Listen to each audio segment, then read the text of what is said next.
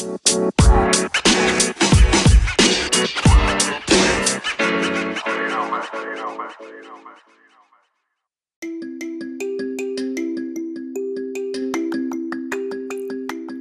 Assalamualaikum warahmatullahi wabarakatuh Kembali lagi bersama saya Aditya Halim Perdana Kusuma a.k.a. Aditya Trojan Yang telah menuntaskan sarapan paginya yakni Indomie goreng original Dua picis tentunya Plus satu telur dan beberapa taburan cabai di atasnya Nah Tepat di tanggal 14 September 2021 di hari Selasa di pukul 10 lewat 20 menit waktu Indonesia Tengah bersama saya dan kalian semua para pembelajar di mana pun Anda berada.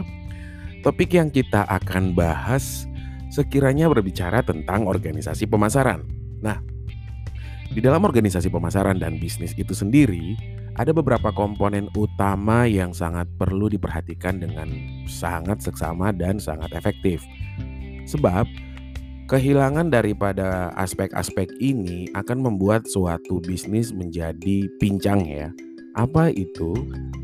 Untuk meraih e, kesuksesan di dalam bisnis, beberapa hal yang pokok misalnya seperti menetapkan tujuan, ide-ide di dalam membangun konsep pemasaran dan ide untuk menjalankan strategi itu sendiri. Kemudian bagaimana caranya Anda bersaing dan untuk bagaimana caranya Anda bisa uh, mengambil suatu kesempatan di dalam bisnis tersebut. Kemudian tentunya juga berbicara antara lain persoalan daripada dukungan untuk bisnis Anda bisa lebih maju. Kerjasama tim tidak lupa pula, kemudian juga di dalamnya adalah teknik-teknik daripada marketing itu sendiri. Selanjutnya adalah bagaimana hubungan Anda dengan para pelanggan. Apakah Anda uh, telah memberikan kepuasan pelanggan yang maksimal? Ataukah Anda terkesan hanya sekedar uh, memenuhi kebu uh, kebutuhan mereka tanpa tahu apakah mereka puas atau tidak? Nah, lain daripada itu, berbicara tentang kesuksesan di dalam bisnis tentunya juga berbicara mengenai bagaimana meningkatkan penjualan Anda. Penjualan yang dimaksud tidak hanya berupa barang, akan tetapi juga merupa, uh, berupa jasa atau mungkin kombinasi di antara keduanya. And here we go, kita lanjut ke sesi yang berikutnya.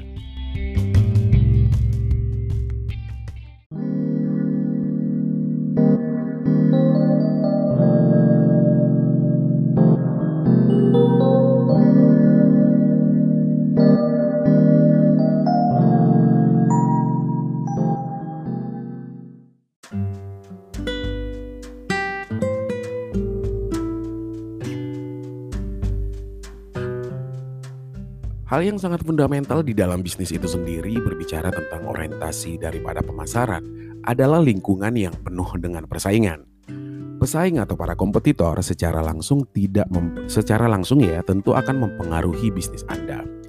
Banyaknya jumlah pesaing, kemudian daripada strategi yang dilakukan oleh para kompetitor tentunya akan semakin mempengaruhi keputusan Anda terhadap bisnis Anda hari ini dan di masa yang akan datang. Terutama persaingan mungkin ya di era marketplace online dan konvensional yang saat ini dikombinasi begitu sangat ketat. Nah, Anda semua para pembelajar di mana pun Anda berada boleh membayangkan kalau Anda seorang pebisnis baju online atau mungkin kalian yang para ciwi-ciwi ya yang sedang berbisnis skincare tentunya. Kemudian kalian melihat di Instagram atau mungkin di Twitter atau mungkin di Facebook atau mungkin bahkan di TikTok, para kompetitor Anda melakukan strategi yang boleh dikatakan mengancam keberadaan bisnis Anda. Tentunya hal ini secara tidak langsung tentunya akan membuat Anda stres, Anda hektik dan Anda mikir, what can I do next? Oke. Nah, Bayangkan mereka saling mengancam nih melakukan persaingan di bisnis online uh, atau mungkin di marketplace. Salah satunya di antara mereka memutuskan untuk melakukan flash sale dan mungkin ditambah dengan diskon 40% di seluruh lokasi mereka. Kemudian yang lain memutuskan untuk mengeluarkan produk baru dengan harga yang lebih murah dari yang lain. Lebih dalam daripada itu berbicara tentang persaingan ya. Berbicara tentang kompetisi, lingkungan yang sangat kompetitif sebenarnya akan memiliki efek yang positif bagi pelanggan. Pelanggan akan mendapatkan harga yang lebih murah, kemudian pelanggan akan mendapatkan suplai barang yang beraneka ragam, sehingga keputusan mereka sangat uh, sangat bervariasi ya tergantung kebutuhan dan tergantung kemampuan mereka. Nah, oleh sebab itu untuk menarik para konsumen, tentunya bisnis menawarkan harusnya ya bisnis tersebut menawarkan barang yang berkualitas tinggi dan harga yang terjangkau. Cuman faktanya harga itu kalau saya ya, ini pendapat dari saya saya selalu menganggap bahwa harga itu berbanding lurus dengan kualitas. Kalau saya, jadi ini disclaimer dulu ya. Persoalan persepsi itu tidak pernah salah dan apa pun jawaban kita semua itu memang masuk akal dan make sense untuk diri kita sendiri. Nah, kalau saya pribadi adalah orang yang punya prinsip bahwa harga itu sejalan dengan kualitas. Ada harga, ada rupa lah gitu ya. Nah, namun uh, banyak juga yang melihat bahwa saya lebih memikirkan sisi fungsinya daripada sisi gengsinya gitu. Nah, ada hal yang di dalam basic uh, berbicara tentang pemasaran strategis ya. Ada hal yang sangat basic yang ini menjadi paradoksial untuk memenuhi kebutuhan konsumen secara uh, secara masif. Di mana konsumen mungkin menginginkan harga yang murah, barang yang bagus, barang yang dikirim cepat datang, kemudian tidak cacat, packaging uh, packagingnya bagus uh, dan tahan lama, kuat, barang tersebut tidak gampang rusak dan seterusnya. Namun persoalan yang terjadi bagi pihak produsen adalah sangat sulit untuk menentukan harga yang murah dengan kualitas yang jauh lebih baik. Sebab uh, keputusan untuk melakukan perbaikan terutama misalnya durability produk ya. Durability itu artinya daya tahan produk. Itu aspek yang paling mendasar salah satunya adalah pemilihan bahan juga yang tahan lama. Anda yang punya handphone yang uh, misalnya punya handphone dengan material plastik tentu tidak akan setahan ketika uh, ada handphone-handphone yang berkelas dengan harga yang cukup cukup mahal mungkin dengan uh, material bahan yang terdiri dari plastik, aluminium dan polikarbonat.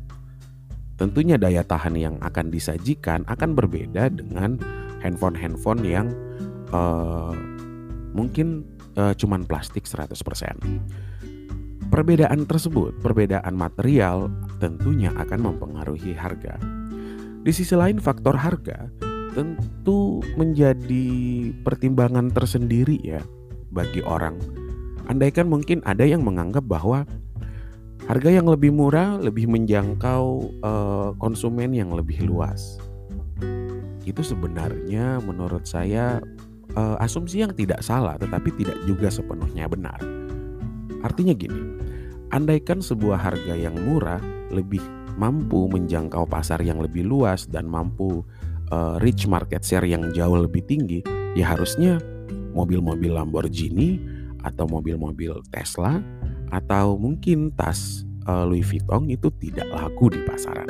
Bener nggak? Ya kan logikanya gitu. Tapi faktanya gini, kendati pun produk mereka mahal, terus uh, ya memang bukan mahal lagi ya, sangat mahal ya untuk sebuah tas. Katakanlah tas yang uh, dimiliki oleh brand LV, Gucci dan seterusnya dengan harga yang cukup fantastis.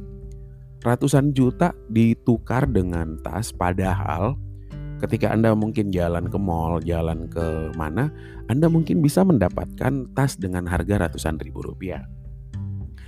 Ketika berbicara fungsi, tas yang harganya 500 ribu rupiah tentu tidak jauh berbeda fungsinya dengan tas yang harganya puluhan juta bahkan yang ratusan juta.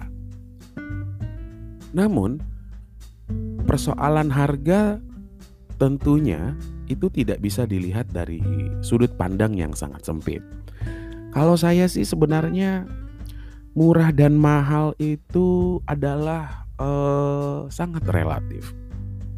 Ya kalau mahal ya kita harus legowo bahwa pangsa pasarnya adalah bukan kita gitu ya. Nah, yang salah, yang salah nih, yang salah kebanyakan uh, seller, uh, kebanyakan buyers itu lebih menginginkan harga yang murah terus membandingkan harga yang murah itu kepada seller yang harganya cukup mahal. Mungkin Anda sebagai pebisnis pernah dan sering berada di posisi itu terutama bisnis-bisnis yang melibatkan produk-produk yang yang memang konsumennya adalah perempuan. Eh kakak kok eh, jilbabnya mahal kali ya di tempat sana harganya sekian. Eh, kok skincarenya mahal kali ya padahal di toko sebelah harganya sekian. Eh, kakak kok eh, barang lipstiknya mahal kali ya padahal di toko sebelah se eh, sekian murahnya. It's fucking dumb ass. It's hard man. Itu sangat menyakitkan tentunya. Nah persoalan harga itu kan komponen sebuah harga kenapa bisa mahal dan mungkin ada yang bisa lebih murah. Komponen harga itu kan tergantung daripada harga produksinya. Harga pokok produksi meliputi juga harga distribusi sampai kepada margin keuntungan yang akan dimiliki oleh seorang uh, seller. Sama dalam hal bisnis jasa. Ketika mungkin produk, perbedaannya dengan bisnis jasa, harga yang disajikan oleh bisnis uh, produk itu harus kompetitif ya. Kompetitif artinya gini.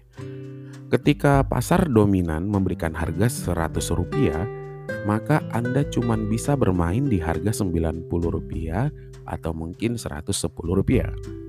Naik 10 poin atau mungkin turun 10 poin. Kalau naik 20 poin boleh masih bisa masuk akal, turun 20 poin itu sudah mulai meragukan. Namun ketika harga pokok produksinya atau harga yang terjadi di pasar adalah 100 rupiah dan kalian menetapkan harga menjadi 500 rupiah atau mungkin eh, uh, 10 kali lipatnya menjadi 1000 rupiah uh, hal tersebut mungkin ya tentunya sangat mahal ya karena para para uh, para kompetitor kalian bermain di harga yang pasaran. Itu tuh sulitnya ketika Anda ber, uh, berbisnis pada aspek jasa, eh aspek produk. Namun sangat berbeda dengan aspek jasa. Jasa sendiri sangat kental dengan uh, pelayanan dan pelayanan itu adalah sulit untuk diukur dari sisi materi anda misalnya uh, terbang menggunakan Lion Air, tentu harganya berbeda ketimbang ketika Anda terbang dengan Garuda Indonesia. Anda nonton tiket uh, pertandingan sepak bola di tribun, tentu akan berbeda harga tiketnya ketimbang Anda nonton yang pas di depan uh, di luar garis lapangan. Atau mungkin Anda sedang membeli tiket konser yang harganya 100 ribu, tentu pemandangan yang Anda lihat mengenai panggung, rigging dan seterusnya termasuk uh, artis yang perform itu akan berbeda ketimbang Anda yang membeli tiket VIP seharga 2 juta rupiah. Nah, kita tinggalkan dulu persoalan harga karena harga itu sangat relatif tergantung siapa yang pengen jual. Mungkin ya kalau saya jualan baju harga 100 ribu mungkin orang masih akan nawar. Tapi kalau Ariel Noah yang jualan baju harga 500 ribu, nah itu tuh orang akan kemungkinan besar orang akan membelinya. Because ya saya sama Ariel Kendati pun kita sama-sama saudara dari Adam dan Hawa tetapi kita berbeda mazhab dari sisi kegantengan. nah, Balik lagi tuh, lingkungan yang kompetitif juga menawarkan efek positif tentunya bagi pelanggan. Seperti yang saya katakan tadi ya, pelanggan jauh lebih bisa belanja dengan sangat bebas, pilihannya beragam, keputusan pembeliannya jauh lebih variatif. Tapi di sisi lain, ya, di sisi lain persaingan dapat memperumit keberadaan bisnis kita. Bener kan? Tentunya semakin banyak pesaing, membuat bisnis kita semakin terancam. Kemunduran di dalam bisnis itu didominasi oleh kegagalan bersaing. Persoalan bagaimana kegagalan tersebut dan bagaimana meraih keunggulan bersaing Anda bisa simak di episode sebelumnya yang berbicara tentang keunggulan strategis. Lalu, pertanyaan terbesar yang pengen saya an, yang pengen saya ajukan kepada Anda semua. Apa yang Anda lakukan terhadap bisnis Anda?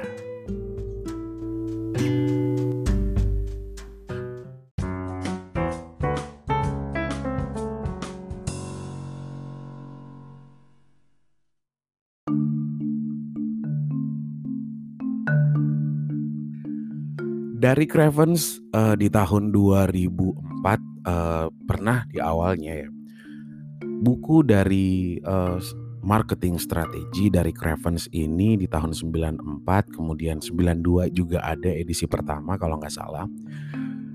Sekarang edisi ke-11 itu menyatakan seperti ini. Di dalam mengungguli persaingan dan lingkungan yang penuh dengan persaingan, yang dilakukan oleh pebisnis tentunya adalah yang pertama ya, adalah fokus kepada konsumen. Fokus kepada konsumen artinya menetapkan konsumen dan kepuasan konsumen sebagai prioritas puncak. Yang kedua, meningkatkan komunikasi dan pengetahuan tentang keinginan konsumen. Yang ketiga, dukungan pelayanan yang prima dan hubungan yang erat terhadap konsumen, serta yang keempat adalah pengetahuan filosofis bisnis Anda yang berorientasi kepada konsumen. Secara universal, Cravens itu mungkin ngomong seperti ini.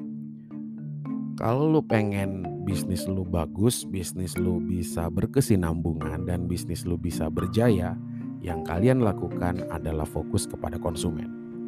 Fokus kepada konsumen bukan berarti melulu harus membuat uh, sesuatu yang seperti konsumen inginkan. Because kenapa sulit?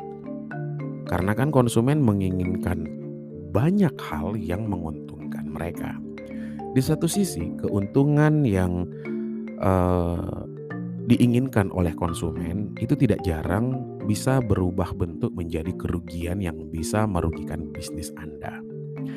Namun, kepuasan konsumen adalah prioritas utama. Anda juga harus bisa selain memberikan kepuasan kepada konsumen, Anda pun harus membuat metrik pengukuran nilai konsumen. Maksudnya adalah Anda sebagai para pebisnis dan para pembelajar di mana pun Anda berada ya, uh, Anda harus bisa memetakan mana pembeli Anda dan mana pelanggan Anda. Pembeli dan pelanggan adalah dua konsep yang berbeda Kendati pun mereka adalah sama-sama memberikan Anda uangnya. Namun, pembeli itu kan tidak selamanya datang kembali. Tetapi pelanggan adalah bagian daripada pembeli. Pembeli belum tentu bisa jadi pelanggan, tapi pelanggan otomatis adalah pembeli. Anda harus bisa memetakan itu semua mana pelanggan Anda yang potensial, mana pelanggan Anda yang kurang begitu potensial, dan mana kira-kira pelanggan Anda yang uh, kemungkinan besar akan mempengaruhi bisnis Anda melalui positive word of mouth. Mereka akan memberikan testimoni yang positif, mereka akan memberikan feedback yang positif, dan mungkin akan melakukan uh, promosi secara gratis melalui uh, word of mouth ya dari mulut ke mulut kepada orang lain. Tentunya ini yang jarang dilakukan oleh uh, oleh banyak pebisnis. Mereka menetapkan itu secara tacit aja ya, tacit knowledge tanpa dengan pendekatan explicit knowledge. Kendati pun kepuasan konsumen dijadikan sebagai prioritas puncak, namun tidak semua hal Anda bisa ikuti dan Anda bisa uh, menturuti apa yang diinginkan oleh semua konsumen Anda. Yang kebanyakan dilakukan oleh banyak pebisnis adalah meningkatkan komunikasi mereka kepada konsumen. Biasanya di dalam uh, marketing lanjutan ya, marketing strategi lanjutan dan di pemasaran lanjutan, kita berbicara tentang customer relationship management. Bagaimana menjalin komunikasi dengan konsumen. Jadi uh, karena saya juga adalah pebisnis, di samping sebagai pengajar, teknik yang saya banyak gunakan dan sampai saat ini bisnis saya bisa berjalan dengan baik kendati pun harga saya nauzubillahimin zolik bagi mereka dan terutama bagi saya sendiri itu sebenarnya harga yang nauzubillahimin solik mahalnya karena tidak sesuai dengan harga pasar. Tapi pertanyaan yang paling ada di benak saya dan mungkin ada di banyak benak kompetitor saya adalah Aditya itu memasang harga 300 kali lipat dari harga pasaran tapi kenapa dia bisa laku?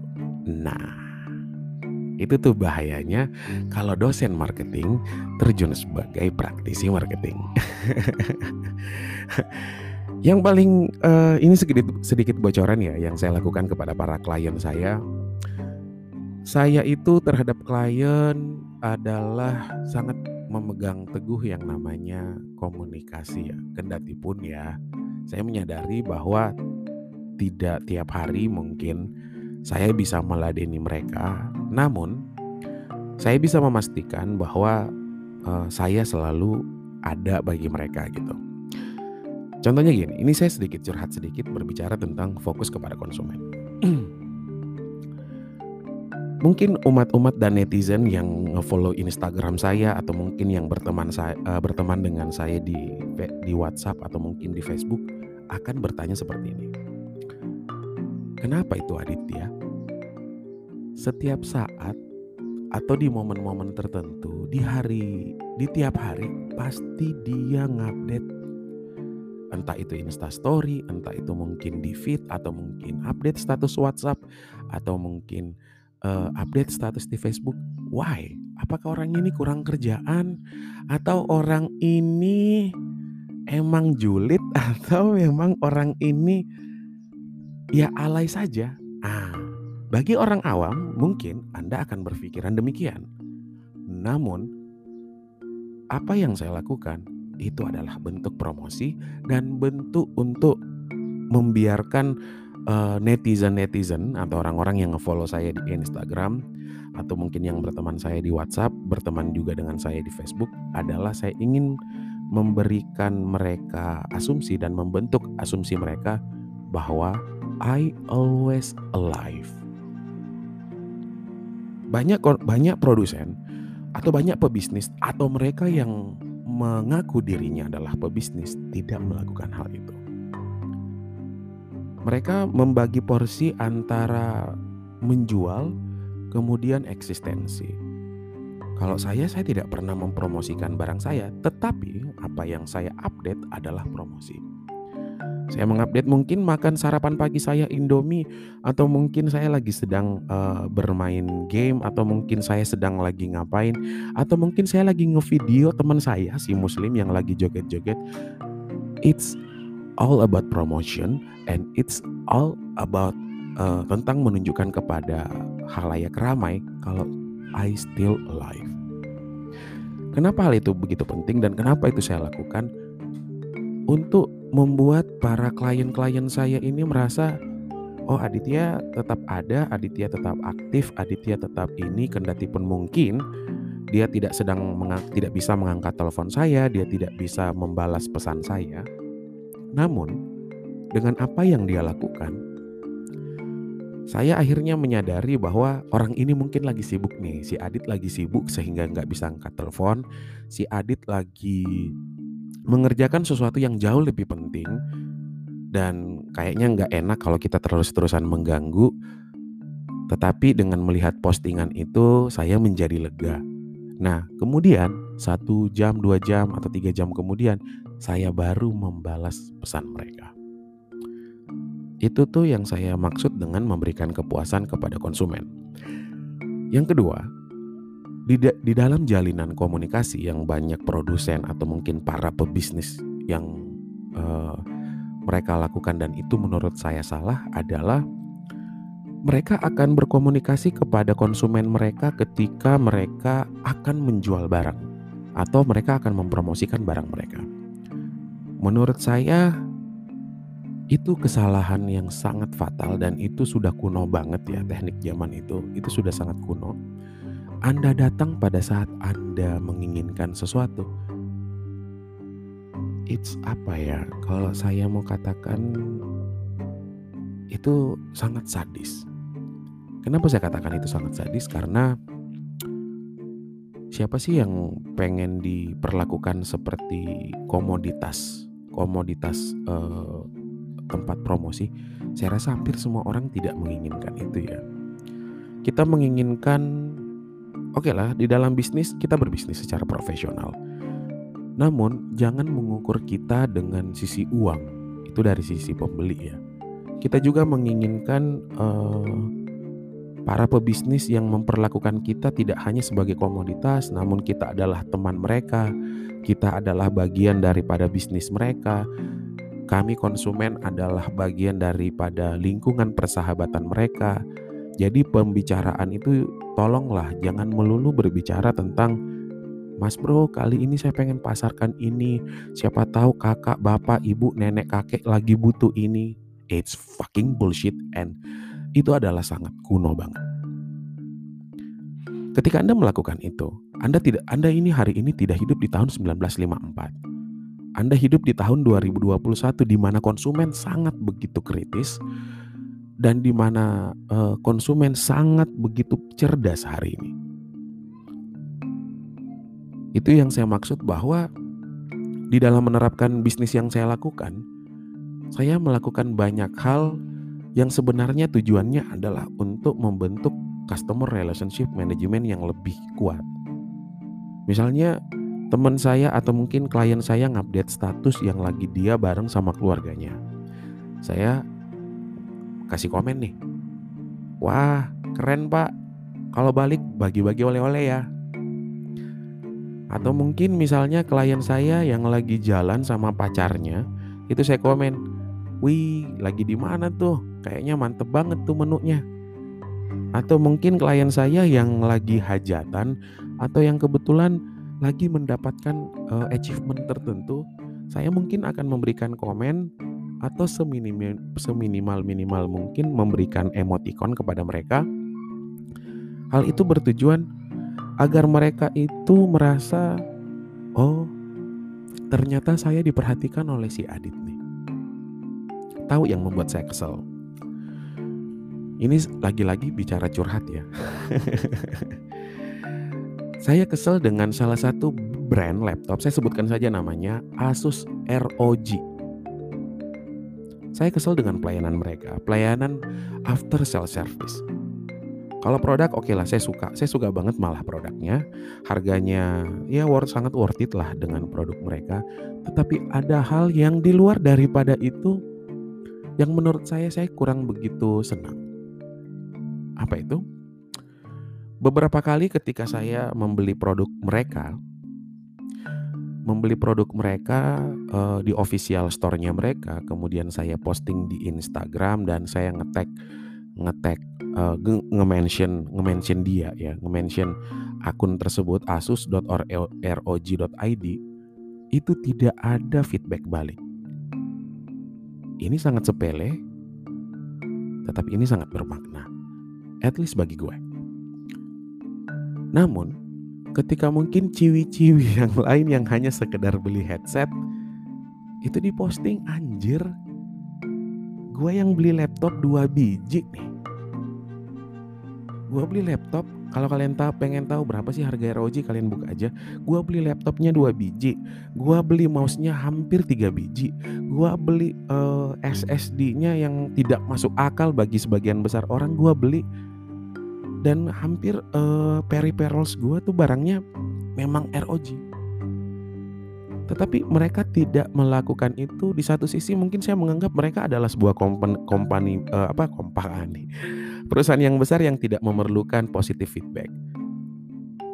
Tetapi di sinilah yang saya melihat sebuah kejanggalan. Ini kita bukan berbicara uh, saya oke okay lah mungkin saya nge-mention produsennya namun barangkali tim IT-nya atau mungkin uh, sosial media marketing staffnya itu kurang begitu jeli. Harusnya apa pun experience yang dilakukan oleh atau yang didapatkan oleh uh, para konsumen itu sebenarnya harus diapresiasi ya. Apa sih kalau bagi kita kan kalau bagi gue misalnya apa sih sebenarnya susahnya cuman add to story gitu. Ya keuntungannya buat kamu, buat produsen, ya kamu mendapatkan testimoni secara gratis dan sukarela dari orang gitu loh. Kemudian apa yang saya dapatkan ternyata yang saya dapatkan tidak tidak uh, bukan bentuk materi tetapi kepuasan. Contoh kedua, saya pernah membeli satu satu burger. Kemudian saya mengulas burger tersebut mulai dari packagingnya, rasa sampai harga itu saya uh, saya posting. Oke okay lah, barangkali Instagram saya belum centang biru dan follower saya nggak banyak. Tetapi, come on. Setiap orang itu memiliki impact di lingkungannya, bro. Setiap orang itu pasti punya followersnya. Bukan persoalan banyak atau sedikit gitu loh. Bukan persoalan dia centang biru atau mungkin dia artis, tapi everybody have impact to others. Setiap orang pasti akan memiliki impact bagi orang lain. Ini yang kurang begitu jelih menurut saya yang dilakukan oleh banyak pebisnis. Mereka seakan-akan dengan menyajikan produk yang bagus, harga yang kompetitif, it's done. Padahal tidak demikian. Ada yang namanya after sale service.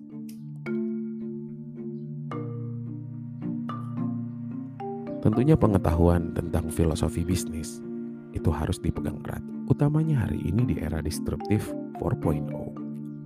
Customer Relationship Management and customer satisfaction is more important thing.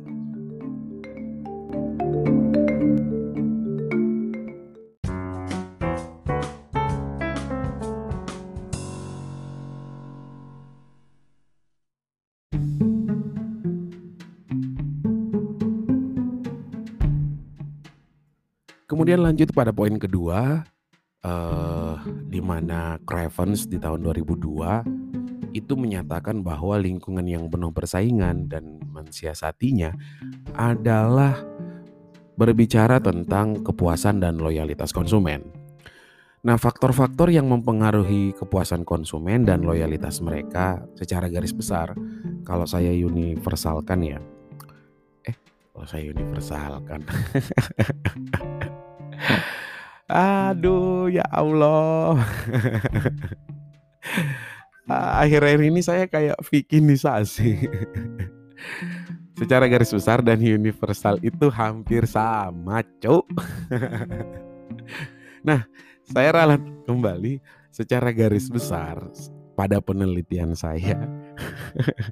eh sorry ya para pembelajar di mana pun Anda berada mungkin pada sesi ini ada beberapa kata yang seharusnya disensor tetapi saya tidak mensensor itu karena ya saya rasa uh, saya rasa para pembelajar sekalian itu adalah orang yang secara filosofis bisa memisahkan mana yang baik dan mana yang tidak baik. Mana kata yang sebenarnya hanya mempertegas emosi dan hanya untuk menunjukkan sisi penegasan tentang makna sebuah kata dan mana kata yang sebenarnya tidak pantas yang di yang harusnya dilontarkan dan itu tujuannya adalah mengumpat atau melakukan eh, tindakan-tindakan yang tidak bermoral. Nah, tetapi uh, bagi saya itu hanya sekedar membuat agar kalian para pembelajar uh, itu bisa mm, sedikit apa ya? Ada dinamika-dinamikanya gitu. Saya kan tidak akan mungkin memberikan kalian materi pembelajaran dengan metode yang yang sangat konvensional. Misalnya, oke okay, adik-adik sekalian di mana pun kamu, uh, uh, kamu uh, apa yang kamu tahu tentang yang saya jelaskan barusan atau silahkan jelaskan menurut ini menurut ini no lah ini uh, market yang jauh lebih luas listenersnya tentu adalah uh, sangat beragam sehingga kita perlu keluar sedikit keluar atau sedikit belok dari aspek-aspek yang terlalu rigid. Nah oleh sebab itu ini sedikit gue narik mundur dulu ya. Kenapa gue ngebuat podcast ini? Ya biar tujuannya bukan hanya sekedar mahasiswa saya di Universitas Muslim Indonesia. Tepuk tangan dulu dong buat Fakultas Ekonomi Universitas Muslim Indonesia yang saya ajar. Akan tetapi buat seluruh masyarakat Indonesia atau mungkin seluruh masyarakat yang tinggal di mancanegara tetapi orang Indonesia. ya karena saya tidak akan mungkin uh, ini podcast saya kan bahasa Indonesia ya. Sangat kecil kemungkinan didengar oleh orang-orang Inggris yang tidak tahu berba tidak tahu bahasa Indonesia. Jadi ini dikhususkan untuk mereka yang memahami bahasa Indonesia saja gitu loh. Nah ini dikhususkan buat kalian saya persembahkan I give it to you biar biar kalian bisa menerima sesuatu yang lebih optimal di luar dari kebiasaan kalian belajar tentang dunia marketing. Nah, intermezzo saya sudah di 3 menit 41 ya. 41 milisecond sudah cukup lah. Balik lagi. Jadi kita balik lagi nih bicara tentang kepuasan konsumen. Saya melakukan penelitian di tahun 2002 2019 jadi saya masuk di masuk kuliah di Fakultas Ekonomi Universitas Muslim Indonesia itu di tahun 2005 kalau nggak salah 2004-2005 ya saya masuk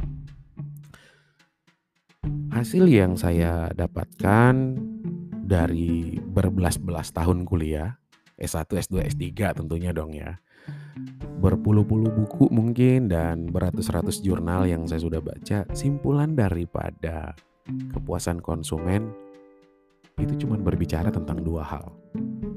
Cara garis besar. Yang pertama adalah kepuasan mengenai mengenai physicals. Physicals. Ya, artinya secara fisik. Apa itu? Ya yang secara fisik atau yang gampang disaksikan, gampang dilihat atau gampang uh, gampang di di apa ya gitu loh. Secara fisik bisa dilihat bentuknya, bisa diraba, bisa dilihat gitu. Misalnya apa? Harga. Konsumen akan puas ketika mungkin harga Anda sangat kompetitif. Saya tidak bilang harga Anda harus murah, ya, tapi harga Anda kompetitif. Murah itu artinya lebih murah dari yang lain. Tapi kalau kompetitif uh, tidak melulu harus murah sebenarnya. ya harga yang kompetitif, yang harga yang relatif terjangkau. Bukan harga yang terjangkau ya, relatif terjangkau. Maksudnya apa? Mungkin komponen harga kenapa dua aspek ini masalah persoalan diksi kata relatif dan diksi kata uh, kompetitif itu sangat penting karena bagi sebagian besar orang 10 juta itu adalah mahal banget. Tapi sebagian besar orang lagi menganggap 10 juta adalah biasa banget. Sebagian kecil di antara sebagian besar menganggap itu adalah murah banget. Nah, Anda punya uang 100 ribu, pengen beli makan Terus harga makanan itu adalah Rp60.000. Apa yang apa yang ada di benak Anda? What the hell? It's more expensive. Ini sangat mahal. Ya karena kemampuan Anda 100 ribu, harga yang disajikan adalah 60 ribu. Anda akan kehilangan 60 dan sisanya 40 yang balik ke kantong Anda. Harganya sangat mahal. Tapi dengan case yang sama, Anda makan dengan harga Rp60.000. Tapi duit Anda adalah 6 juta rupiah. Kira-kira mahal atau enggak? Hmm, bisa mahal, bisa enggak? Tapi kalau Anda punya uang 6 miliar, terus disajikan nasi goreng harganya 60 ribu, 6 miliar ya, kurang 60 ribu apakah terlalu bermakna buat Anda? No. Itu yang dimaksud dengan harga yang relatif. Lalu selanjutnya harga yang kompetitif gimana? Harga yang kompetitif misalnya gini. tetangga kita toko sebelah ngejualnya 100 rupiah. Kita ngejualnya 97 rupiah. Ya itu murah sih, tapi itu kompetitif ya. Atau mungkin harga tetangga toko sebelah 10 ribu rupiah, kita pun harganya 10 ribu rupiah. Tetapi kalau dia pulang, kita akan memberikan dia satu permen. Tetangga kita jualnya 100 ribu rupiah, kita pun menjualnya 100 ribu rupiah. Tapi kita menggratiskan kantong plastiknya beserta senyumnya. Harga boleh sama tetapi pelayanan yang kompetitif yang membedakan kita. Itu yang dimaksud dengan harga yang kompetitif. Atau bisa jadi misalnya eh harga yang Rp10.000 namun saya menjualnya dengan harga Rp99.999. Kan tentu tidak sama dengan Rp10.000 dong. Meskipun faktanya tidak ada tidak ada uang kembalian 1 sen atau 0,01 sen gitu ya, tidak ada. Tapi itulah uh, harga yang saya maksud dengan harga yang kompetitif. Secara fisik selain harga itu tadi, yang kedua adalah kita berbicara tentang sistem. Sistem pengirimannya, kemudian sistem uh, sistem pengirimannya, apakah barang tersebut dikirim dengan baik atau tidak gitu loh. Secara fisik bisa dinilai. Apakah barang tersebut dipack uh, dipack dengan baik, pakai webnya berlapis-lapis jadi barang tersebut tidak gampang lecet. Dan yang ketiga adalah performance daripada uh, produk tersebut produk tersebut sampai di kita barangnya belum tidak patah, tidak pecah, tidak rusak. Dan produk itu sendiri. Nah, produk itu sendiri salah satunya misalnya saya pengen beli baju yang warnanya kuning, kuning keemasan. Yang datang adalah kuning kecoklatan. Atau yang datang adalah kuning telur. Maka yang terjadi adalah konsumen akan melakukan uh, testimoni yang negatif ya pasti. Dia akan bilang barangnya tidak sesuai dengan deskripsi. Itulah. Atau mungkin Anda beli baju, Anda kebiasaan mengenakan pakaian dengan size L atau mungkin double XL.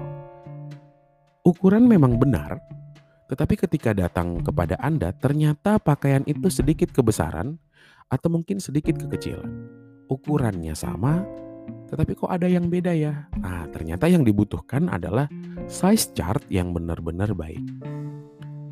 Yang benar-benar terukur dan itu uh, saya rasa bukan masalah lagi ya karena sebagian besar produsen dan para seller baju sudah melakukan hal itu. Atau misalnya Anda membeli sepatu. Secara fisik yang harus dilakukan oleh para konsumen, eh, para produsen adalah menjelaskan apakah ini adalah real to size atau mungkin naik sedikit dari size aslinya atau mungkin kurang dari size aslinya. Terus yang selanjutnya secara fisik adalah produk itu sendiri. Yang saya maksud uh, dengan produk itu sendiri adalah apakah barang yang dikirim bener nggak? Misalnya kita pesan cabai yang datangnya tomat gitu. Atau mungkin tidak sesuai dengan real pick aslinya dan seterusnya dan berbicara tentang durability produk. Durability produk itu artinya daya tahan produk. Mungkin diiklankan uh, sangat kuat dan ini kebanyakan salah banget ya yang dilakukan oleh banyak produsen produsen-produsen misalnya Gorilla Glass atau Tempered Glass atau mungkin casing-casing yang dibuang di lantai 20 atau yang dibuang di ketinggian tertentu ternyata barang tersebut tidak rusak namun ketika kita beli kesenggol dikit pecah, kesenggol dikit tergores dan kesenggol dikit bisa retak misalnya. Itu adalah salah satu yang membuat kon, uh, kepuasan konsumen jadi begitu begitu menurun ya. Kalau barang yang diiklankan dengan sangat bombastis tetapi secara realita tidak demikian atau mungkin eh, produk-produk uh, skincare yang menjamin muka Anda putih nih misalnya ya bagi ciwi-ciwi di sana Lalu ketika Anda beli, Anda sudah minum, Anda sudah konsumsi, Anda sudah apa, kok ternyata ada efek samping ya gitu. Jadi itu secara fisik akan mempengaruhi kepuasan konsumen dan bisa berdampak pada loyalitas konsumen Anda. Oke kita lanjut ke sesi yang selanjutnya bagi para pendengar di mana pun Anda berada, stay tune.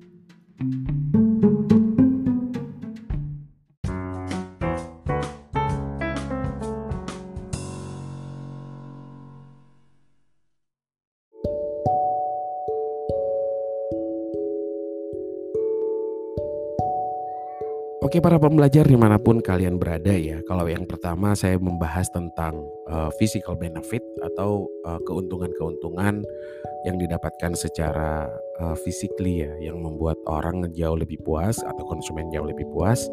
Nah, aspek yang lain adalah emotional benefit. Apa sih yang termasuk daripada emotional benefit? Dari penelitian saya, saya menggarisbawahi emotional benefit adalah keuntungan-keuntungan yang didapatkan pada aspek emosional. Yang tidak bisa dilihat, tetapi cukup mampu dirasakan sampai ke sumsum tulang belakang. nah, tidak kalah pentingnya nih emotional benefit.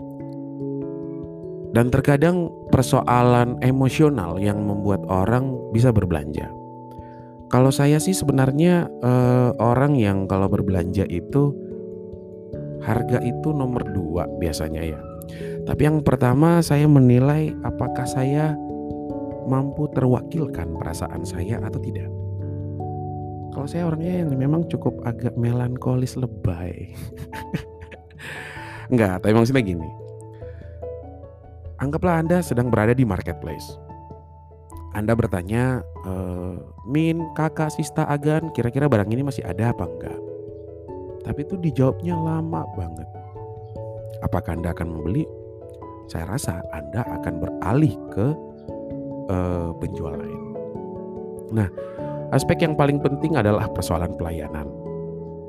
Tentunya selain daripada pelayanan tersebut adalah citra daripada si seller. Kalau di marketplace online kan gampang ya bintang 5 kah, bintang 4 dan citra produk uh, citra produk sendiri gitu dan citra daripada perusahaannya dan seterusnya. Yang keempat sih juga adalah proses persaingannya ya. Apakah uh, mereka tidak melakukan black campaign? Apakah cara mereka melakukan promosi begitu beretika dan beradab? Itu adalah salah satu yang sangat penting. Oke sekian dari saya. Bagi para pendengar di mana pun Anda berada Semoga apa yang tersaji dapat menambah wawasan Anda semua. Tidak hanya bagi mahasiswa saya maupun bagi, bagi mahasiswa-mahasiswa lain di luar sana Atau pendengar yang secara universal tertarik dalam dunia marketing Baik praktisi maupun akademisi. Semoga bermanfaat bagi kita semua. Uh, Saya Aditya Halim Perdana Kesuma Putra akan kita ketemu di next session. Oke, assalamualaikum warahmatullahi wabarakatuh. Ciao.